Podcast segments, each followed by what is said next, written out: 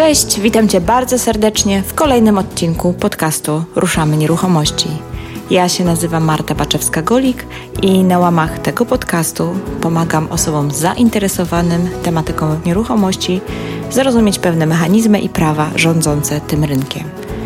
Jeżeli podobnie jak ja uważasz, że najlepiej zdobywać wiedzę od praktyków, a nie od teoretyków, to ten podcast jest dla Ciebie i mniej pewność, że wszystkie przeprowadzone tu wywiady są z ludźmi, którzy wiedzę zdobywali poprzez własne doświadczenie. Po raz kolejny mam przyjemność gościć inwestorkę Martę Smith w podcaście Ruszamy Nieruchomości. I jak pewnie większość osób zdążyła już zauważyć, to wspólnie z Martą tworzymy projekt Dwie Marty, czyli kobieca strona inwestowania i zdecydowałyśmy, że na łamach podcastu będziemy występować dość regularnie. Tym razem chcemy poruszać temat lęku. Jest to coś, co wraca do nas jak bumerang. Ciągle i ciągle dostajemy wiadomości podszyte lękiem, strachem przed porażką, przed utratą pieniędzy czy przed wstydem, że mi nie wyszło tego typu obawy są zupełnie naturalne. W większym lub mniejszym stopniu każdy je miał na początku swojej drogi inwestorskiej. I dzisiaj, tak zupełnie szczerze, chcemy się z Tobą podzielić naszą historią. Jak to było, kiedy bałyśmy się bardzo i jak sobie z tym poradziłyśmy. Na koniec też mam dla Ciebie niespodziankę. Każdy słuchacz podcastu otrzyma ją pod warunkiem, że oczywiście dosłucha do końca. Dlatego nie przedłużam, a Ciebie zapraszam do wysłuchania naszej rozmowy. Cześć Marta, witam Cię po raz kolejny w podcaście Ruszamy Nieruchomości. No ja już jestem tutaj stałym punktem programu. No zdecydowanie, już tak nawet się zastanawiam, że powinniśmy chyba znaleźć jakąś taką, wiesz, wspólną nazwę na wersję podcastu Ruszamy Nieruchomości z Martami. Dwie Marty ruszają nieruchomości. O, dwie Marty ruszają nieruchomości po raz kolejny. Marta, dzisiaj będziemy rozmawiać o lęku, bo bardzo dużo pytań do nas spływa odnośnie tego, jak przezwyciężyć strach przed inwestowaniem. I ja chciałam Ciebie dzisiaj zapytać, no będziemy sobie rozmawiać, ale chciałam Ciebie zapytać przede wszystkim, jak to było u Ciebie na samym początku, bo nie miałaś żadnego doświadczenia z nieruchomościami. Miałaś jakiś tam jeden domek po babci i skąd w ogóle pomysł y, powstał i jak właśnie poradziliście sobie z tym takim lękiem, a co jak stracimy, a co jak nie wyjdzie? Wiesz co?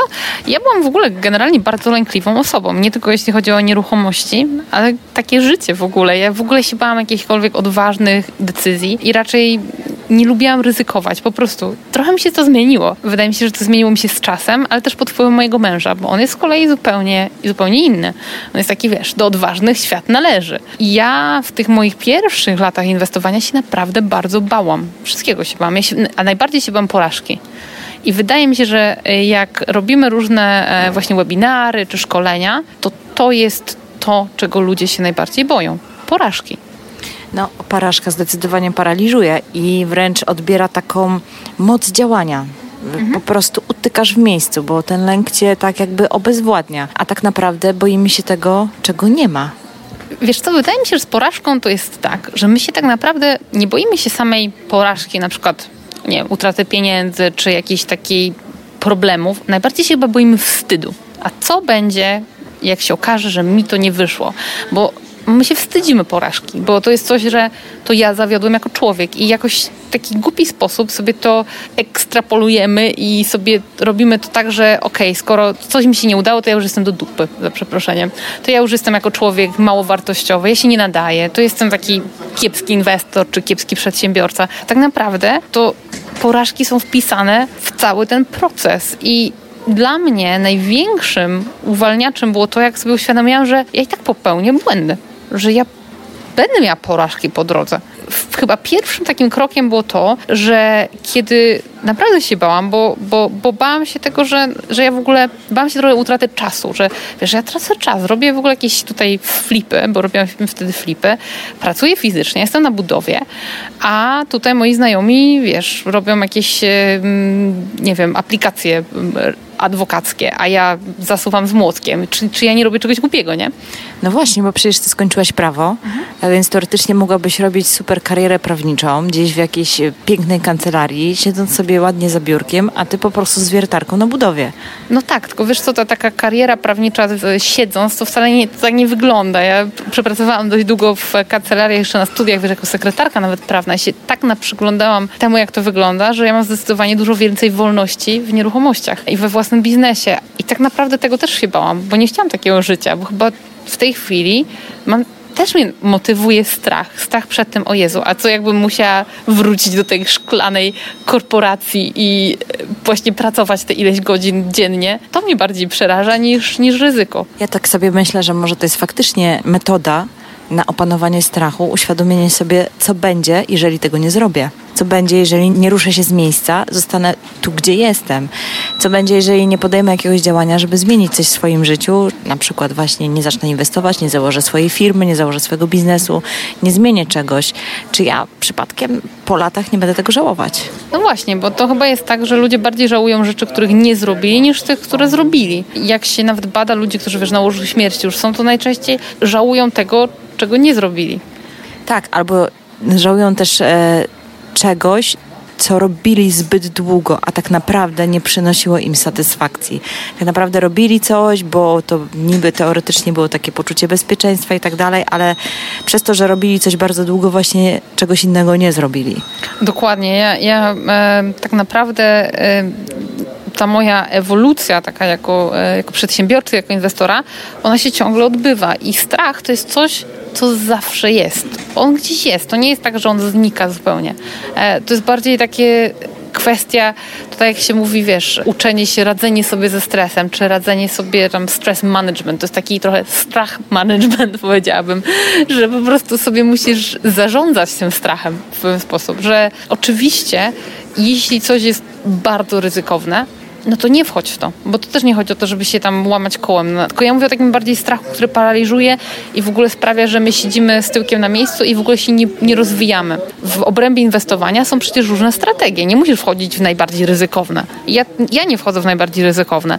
Raczej trzymam się tego, co znam i, i być może czasami wybierałam też strategię mniejszego ryzyka i mniejszego zarobku, ale po prostu mi było wygodnie. Natomiast nie miałam takiego momentu, że ja będę siedzieć z założonymi rękami i po prostu czekać to jest coś, czego chciałabym namówić właściwie każdego z Was, kto słucha, żebyście nie utkwili w takim miejscu, bo, bo my ciągle mamy takie właśnie głosy na różne w, komentarzach, w na, naszej grupie, na webinarach, że, że ludzie po prostu nie działają, bo się boją. Dokładnie, ja sobie tak myślę, że w ogóle to jest kwestia właśnie tego błędu.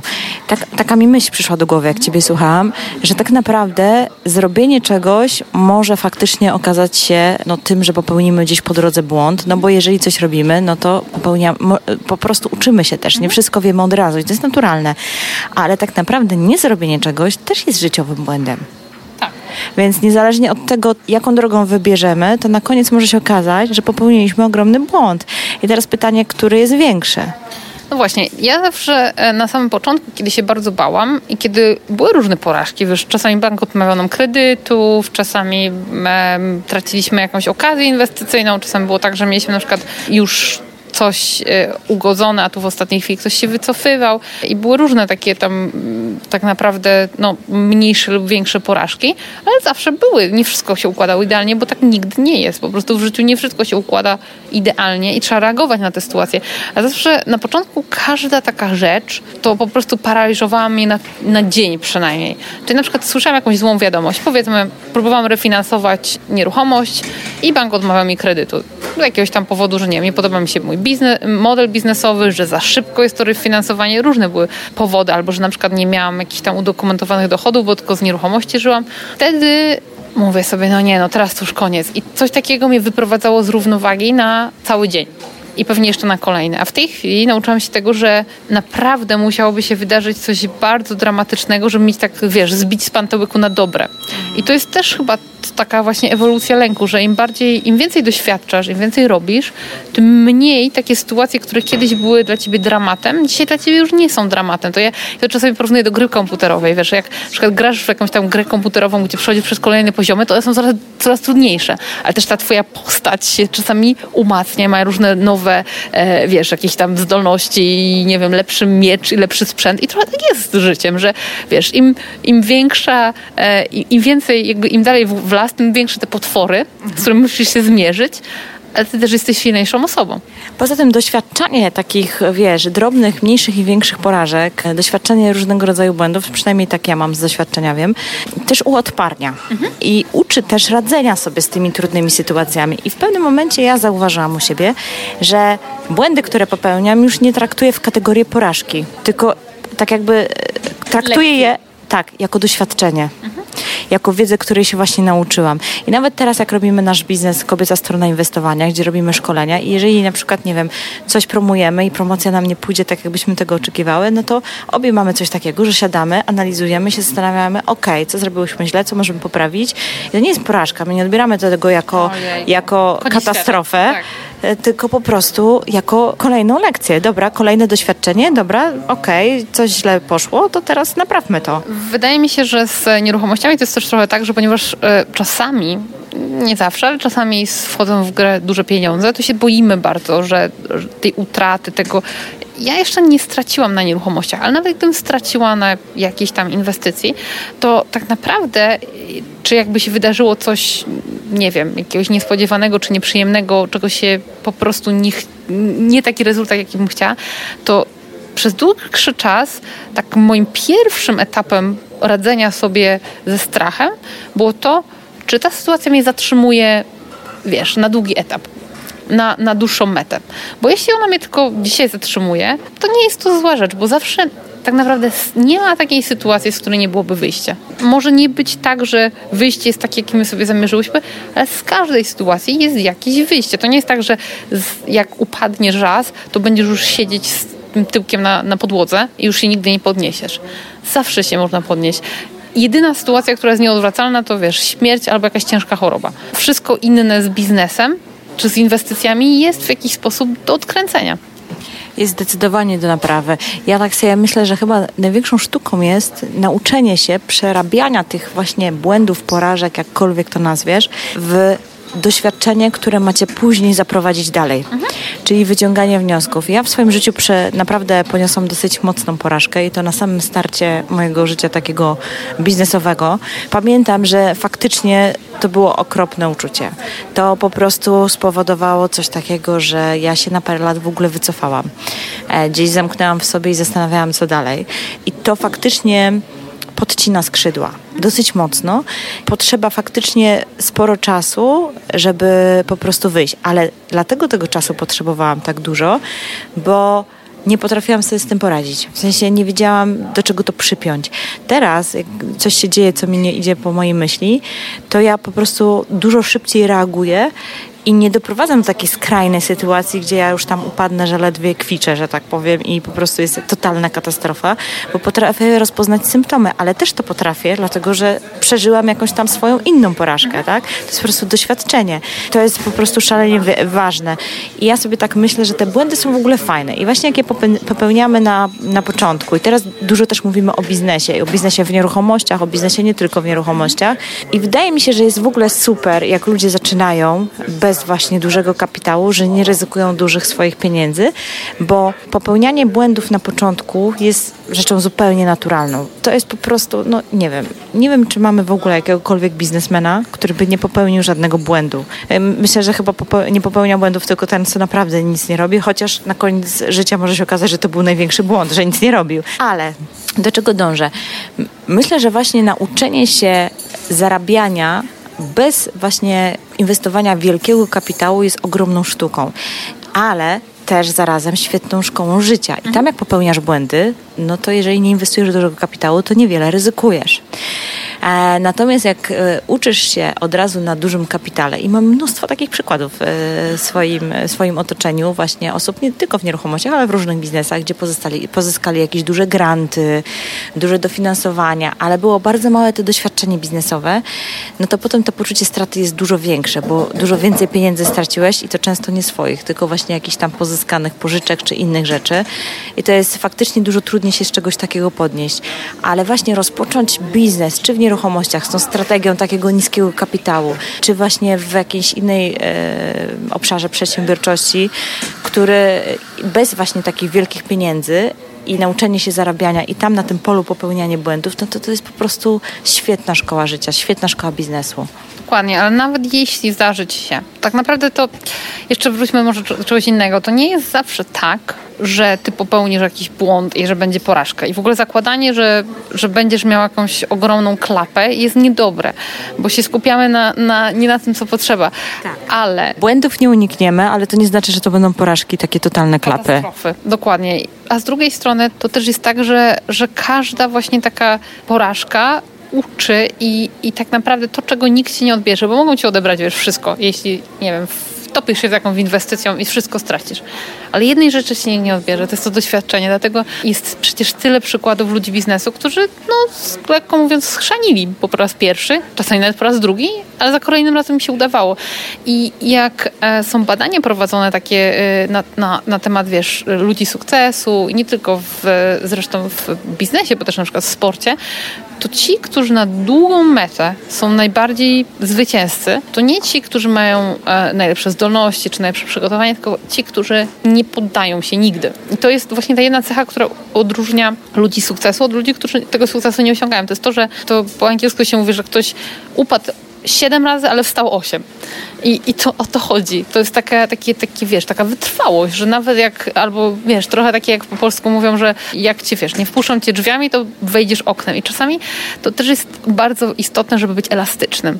Jeśli na przykład próbujesz robić flipy i nie potrafisz pozyskać kapitału do tych flipów i nie masz własnego kapitału, to zrób taką strategię, gdzie nie będziesz potrzebować tego kapitału. Albo na przykład właśnie, ja miałam tak na początku, że nie miałam za bardzo dochodów, bo nie miałam dochodów z pracy i nie mogłam dostać właśnie tych kredytów na wynajem, bo nie miałam dochodów, no to co robiłam? Robiłam flipy. Bo zamiast się upierać, że ja teraz chcę mieć portfolio nieruchomości, które później z czasem przyszło, robiłam coś, co nie wymagało ode mnie kredytowania takiego na długi termin. I też się dało, więc zawsze to jest, e, mój mąż ma takie fajne powiedzenie, że, że musisz być jak woda, która opływa wokół problemu, której nikt nie zatrzymuje, tylko po prostu sobie opływa e, wokół różnych przeszkód i, ty też musisz być właśnie taki elastyczny jak woda. Dokładnie. Wydaje mi się, że w ogóle w takim przedsiębiorczym, biznesowym myśleniu ta elastyczność jest szalenie ważna. Taka umiejętność dopasowywania się do rynku. Nie zmieniania e, na siłę wszystkiego, tylko po prostu dostrzeżenia czegoś, co jest fajne i po prostu wykorzystania tej szansy, a nie walczenia z tym. To prawda I, i to jest bardzo, bardzo istotna cecha, moim zdaniem, dojrzałego przedsiębiorcy, dojrzałego biznesmena i, czy, czy inwestora. To jest to, żeby żeby być elastycznym, bo musisz mieć jakąkolwiek elastyczność, bo jak, jak się, jeśli wiesz, ty się uprzesz, że to jest to, rynek cię zweryfikuje prędzej czy później, więc e, nie możesz, wiesz, iść totalnie pod prąd wszystkiemu, bo, bo to nie ma sensu. Musisz się dostosowywać do bieżącej sytuacji. Nie możesz na siłę forsować swoich pomysłów, które e, no, może nie są najlepsze czasami. Tak, no oczywiście tutaj zaraz ktoś może powiedzieć, że mamy takie przykłady ludzi, którzy wymyślili coś zupełnie odstającego od danych warunków i realiów, a mimo to wszystko, ale to już jest bardziej kreacja i wizjonerstwo. Mhm. A tutaj mam raczej na myśli takie, taką walkę z materią e, pod tytułem, że ewidentnie rynek nie sprzyja na przykład e, flipom, a ty na siłę próbujesz te flipy robić, chociaż na przykład jest wolny rynek, się nic nie sprzedaje i tak dalej, i tak mhm. dalej. Więc z, taką, z takim oporem materii po prostu nie walczmy i właśnie na tym polega umiejętność inwestorska, że potrafi to dostrzec. Jest też jeszcze takie powiedzenie, że też trzeba, inwestorzy wystrzegają się mody. Tam, gdzie już są wszyscy, to oni zmieniają strategię, idą w inne miejsca i że jest się tak jakby trochę zawsze krok przed rynkiem, ale nie przeciw rynku rynkowi. Zdecydowanie. Wiesz co Marta, ja wiem, że to jest twój podcast, ty jesteś gospodarzem, ale ja bym chciała ci zadać pytanie tak samo, bo to jest takie pytanie, które się często pojawia e, na różnych naszych live'ach i webinarach właśnie w kontekście tego, czym mówimy dzisiaj, czyli strachu, strachu przed porażką, strachu, że mi nie wyjdzie. Ty jesteś mamą małego dziecka i często są rodzice, którzy mówią, najbardziej to się boję tego, że mam rodzinę na utrzymaniu, boję się ryzykować, dlatego że jak stracę, no to moje dzieci na to ucierpią. Co byś podpowiedziała takim osobom? Wiesz, to jest bardzo trudne, dlatego że faktycznie te poczucie odpowiedzialności potrafi sparaliżować, no bo już nie odpowiadamy tylko za siebie i tak dalej. To jest zrozumiałe, że się ludzie boją. Natomiast rodzina też nie powinna być przeszkodą do realizacji naszych marzeń, naszych celów, naszych ambicji itd., tak itd. Tak Moim zdaniem rodzina powinna wręcz motywować do tego, żeby zdobywać więcej. I oczywiście to jest tak jak z tą szklanką, albo jest pusta, albo pełna w połowie. I jeżeli spojrzymy na tą pustą stronę, czyli że mogę stracić, no to w tym momencie ta odpowiedzialność mówi nie rób tego. A w momencie, gdy mogę, gdy popatrzysz na tą pełną stronę, okej, okay, ale mogę mega dużo zyskać dla tej mojej rodziny i chcę o to zawalczyć, to wtedy zaczynasz kombinować, jak to zrobić. Oczywiście trzeba to robić z głową. Trzeba to robić, jeżeli na przykład, nie wiem, ktoś marzy o tym, żeby zacząć inwestować, ale się boi, a ma na przykład stabilną pracę gdzieś na etacie, to moim zdaniem naprawdę byłoby bardzo nierozsądne, gdyby taka osoba rzuciła teraz wszystko i raptownie stała się inwestorem i po prostu przestała chodzić do pracy i zrezygnowała ze swoich stałych, stabilnych dochodów. Wydaje mi się, że jest tyle możliwości na rynku, tyle różnych strategii, że można dobrać taki rodzaj inwestowania, który nie będzie wymagać od ciebie totalnej mm, rewolucji w życiu, takim codziennym. Zdecydowanie. My, my przecież zawsze jak uczymy o inwestowaniu, Marta, to mówimy o tym, żeby wybrać strategię nie tylko do rynku, nie tylko do cyklu koniunkturalnego, ale też do siebie, do swojej sytuacji życiowej, czyli ile mam, ile mam czasu, ile mam kapitału. Bo czasami e, ludzie myślą o nieruchomościach, że to jest coś takiego świetnego i prestiżowego, że ja robię nieruchomości, to już jestem jakimś lepszym człowiekiem. Na przykład mieliśmy, pamiętam taki przykład e, kogoś, kto na webinarze mówi, no ja uczę w tej chwili jakiegoś języka obcego, nie wiem, niemieckiego i jestem w tym całkiem dobra, ale chciałabym robić podnajem, bo to jest z małym kapitałem. A myślę sobie, a dlaczego nie rozkręcić tej szkoły językowej? Dlaczego nie przeskalować biznesu w tym, na czym się już znasz, a potem reinwestować zyski w nieruchomości. Przecież nie musisz koniecznie robić tego w nieruchomościach.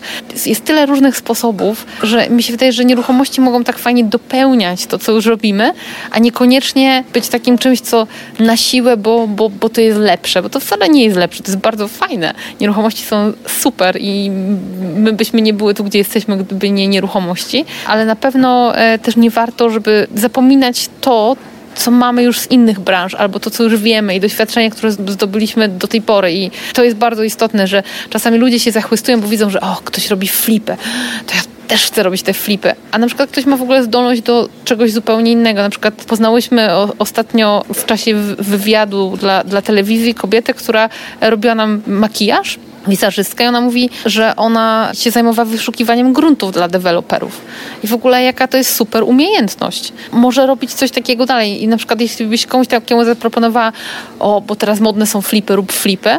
Dlaczego? Przecież ona może wykorzystać to, co już wie, żeby że tak naprawdę inwestować właściwie no nie, nie, musi inwestować, można na tym po prostu zarabiać. Dokładnie, ja tak sobie myślę, że my często w ogóle nie, wy, nie wykorzystujemy swoich mocnych stron i to jest znowu to pytanie takie, po co ja chcę to robić, tak? Czy ja chcę robić dlatego, że się zachwyciłem kimś innym, czy dlatego, że naprawdę chcę robić te flipy, bo kręci mnie tworzenie nowych wnętrz, bo po prostu czuję temat, bo uwielbiam chodzić po rynku, zaglądać we wszystkie, że tak powiem, dziury, mysie dziury i wy, wydobywać kontakty do osób, które właśnie są w trudnej sytuacji, na przykład ich muszą koniecznie sprzedać i wyszukiwać w ten sposób okazję.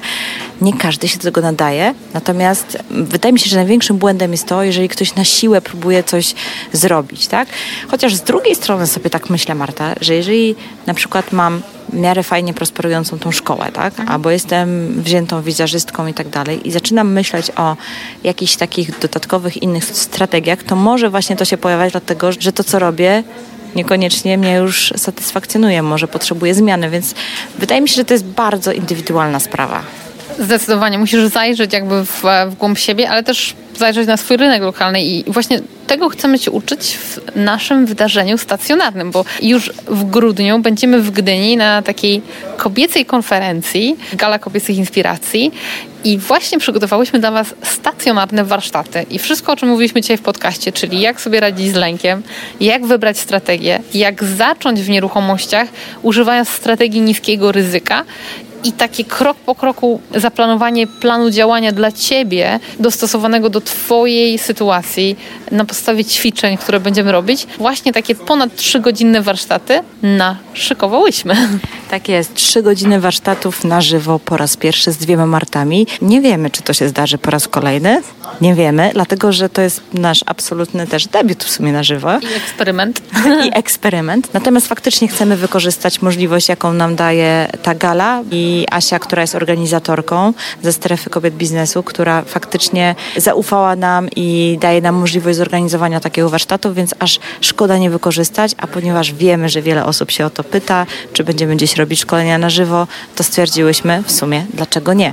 Dlatego więcej informacji na temat tego szkolenia, łącznie z linkiem i ze wszystkim, zamieścimy w notatkach do tego odcinka i zapraszamy serdecznie nie tylko panie, bo na warsztat mogą przyjść również panowie. Oczywiście, będzie nam miło w takim mieszanym towarzystwie. Zawsze to jest fajnie, bo e, wydaje mi się, że czasami kobiety mają nieco inne podejście do inwestowania niż mężczyźni. Możemy się od siebie wzajemnie uczyć. My postaramy się dać Wam jak najwięcej wartości. Mamy już tak naprawdę cały program przygotowany i chcemy Was krok po kroku przeprowadzić przez ten taki proces inwestycyjny. I chciałabym te warsztaty dedykować szczególnie takim osobom, które się bardzo wahają albo próbują różnych rzeczy i nie do końca mają jeszcze taką wyklarowaną wizję, co mają robić, bo często jest tak, że chodzimy na różne szkolenia, słuchamy podcastu takiego jak ten i słyszymy ludzi, którzy używają różnych strategii i nagle rozpraszamy się. Nie wiemy do końca, która strategia jest moja. I my czasami miałyśmy takie osoby na naszej grupie mastermindowej, gdzie tu taka strategia, tu potem pojechały na jakieś inne szkolenie i już chcą robić, nie wiem, inną strategię i to rozproszenie bardzo im przeszkadza w osiągnięciu ich celów. Na tych warsztatach chcemy chcemy Wam pokazać, jak krok po kroku zrobić sobie taki plan działania, że jak wrócicie po tych trzy godzinnych warsztatach do domu, to będziecie naprawdę już wiedzieć, co robić dokładnie, żeby osiągnąć was, Wasze cele, ale pokażemy Wam też konkretne narzędzia w nieruchomościach. Dokładnie, ale przede wszystkim będziecie wiedzieć, jak zacząć. Mhm. Konkretnie taki jest nasz cel, żeby obrać jakiś kurs, na jakiś konkretny cel i po prostu zacząć, bo nie ma nic gorszego jak takie skakanie właśnie z płatka na płatek, czyli dziś chcę robić flipy, jutro podnajem, pojutrze najem na doby, a po pojutrze jeszcze zupełnie coś innego, bo gdzieś tam usłyszałam i tak dalej. I pamiętajcie, że nawet w moim podcaście, gdzie zapraszam naprawdę niesamowite osoby, e, które robią e, świetne rzeczy, to pamiętajcie, że oni się specjalizują w swojej własnej strategii i im to wychodzi, bo to jest ich strategia. Ale to, że to jest ich, nie znaczy, że to musi być Twoja. Dlatego warto jest dobrać swoją strategię. Warto jest, jak już wybierzesz tą strategię, to szukaj wtedy osób, które ją realizują, ucz się od nich, podpatruj, ale na etapie wyboru jest ważne, żebyś Ty podjął decyzję, co chce robić i w jaki sposób realizować swoje inwestycje. Dokładnie. I jeszcze e, jedna ważna informacja na temat tych warsztatów, to będzie również bardzo mocno nakierunkowane na osoby, które się troszkę boją ryzyka, bo będziemy Wam e, omawiać w szczególności, będziemy się skupiać na tych strategiach, które nie wymagają dużego ryzyka i dużego kapitału. Więc jeśli odkładasz decyzję o, o zaczęciu w nieruchomościach, dlatego że myślisz, że potrzeba do tego jakichś ogromnych nakładów kapitałowych albo w ogóle paraliżuje cię strach przed ryzykiem, to koniecznie przyjdź na te warsztaty. Dokładnie, także zapraszamy Was bardzo serdecznie 8 grudnia w Gdyni, w Parku Naukowo-Technologicznym będą te warsztaty. Szczegóły wszystkie jeszcze zalinkujemy do strony, gdzie będą podane wszystkie szczegóły, także koniecznie wejdźcie na tą stronę. A tymczasem chyba będziemy kończyć powoli, co Marta? No, mam nadzieję, że się zobaczymy, że nie tylko będziecie znać nasz głos, ale że akurat zobaczymy się na żywo, więc do zobaczenia w Gdyni. Dokładnie. E, słuchajcie, naprawdę nie wiemy, czy się powtórzy taka okazja, bo myśmy nigdy nie planowały robić stacjonarnych eventów. Naprawdę po prostu wykorzystujemy okazję, że mamy taką możliwość, więc kto ma ochotę się z nami zobaczyć, to naprawdę zapraszamy i zachęcamy do przyjazdu do Gdyni. Poza tym Gdynia to fajne miasto. Pewnie, że tak. W ogóle Trójmiasto jest fajne. tak, zdecydowanie tak. Okej, okay, Marta, dzięki wielkie za rozmowę. Pewnie następny odcinek będzie niebawem. No, mam nadzieję. Do zobaczenia. Tak jest, do zobaczenia. A teraz obiecana niespodzianka dla wszystkich osób, które nabrały ochoty na spotkanie się z nami na żywo w Gdyni. Nie byłabym sobą, gdybym moim słuchaczom nie wygenerowała specjalnego kodu rabatowego, ale o tym jeszcze za chwilę powiem. Chciałabym podsumować to wydarzenie, jakie odbędzie się 8 grudnia 2018 roku. Nasz warsztat jest częścią siódmej gali kobiecych inspiracji, na której to również mamy swoje wystąpienie. Zaczynamy o godzinie 11 do godziny 14, a od 14 zaczynają się wystąpienia na gali. Także tak naprawdę jest to całodniowe wydarzenie i będzie się dużo działo. Bo oprócz nas na scenie będzie stać również Marta Krasnodębska, Michał Kanarkiewicz, Ola Gościniak, Ewa Wojtan i Justyna Kwiatkowska. Wszyscy prelegenci zaplanowali w ramach gali podarować od siebie bardzo ciekawe bonusy. Dlaczego o tym mówię? Bo jak już wspomniałam, jest to już siódma gala i uwierz mi, nie bez powodu jest to już siódma edycja. Będzie tam kilkaset szalenie inspirujących osób, więc warto pomyśleć o zagospodarowaniu sobie na to całego dnia. Możesz oczywiście przyjechać tylko na nasz warsztat i będzie nam bardzo miło, jeżeli zdecydujesz się przyjechać specjalnie na spotkanie z nami. Natomiast zachęcam do wzięcia udziału w całym wydarzeniu, bo z pewnością będzie tam cała masa inspiracji.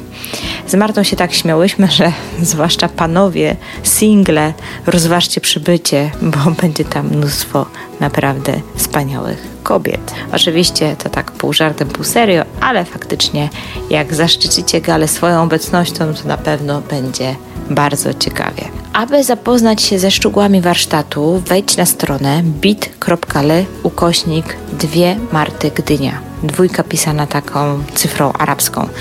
Dwie Marty Gdynia. I jeżeli podejmiesz decyzję o zakupie biletu, to podczas zakupu wpisz kod RN Gdynia z małych liter.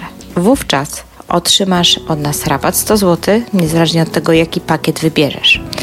Pamiętaj, że jest to warsztat stacjonarny, więc ilość miejsc jest ograniczona salą.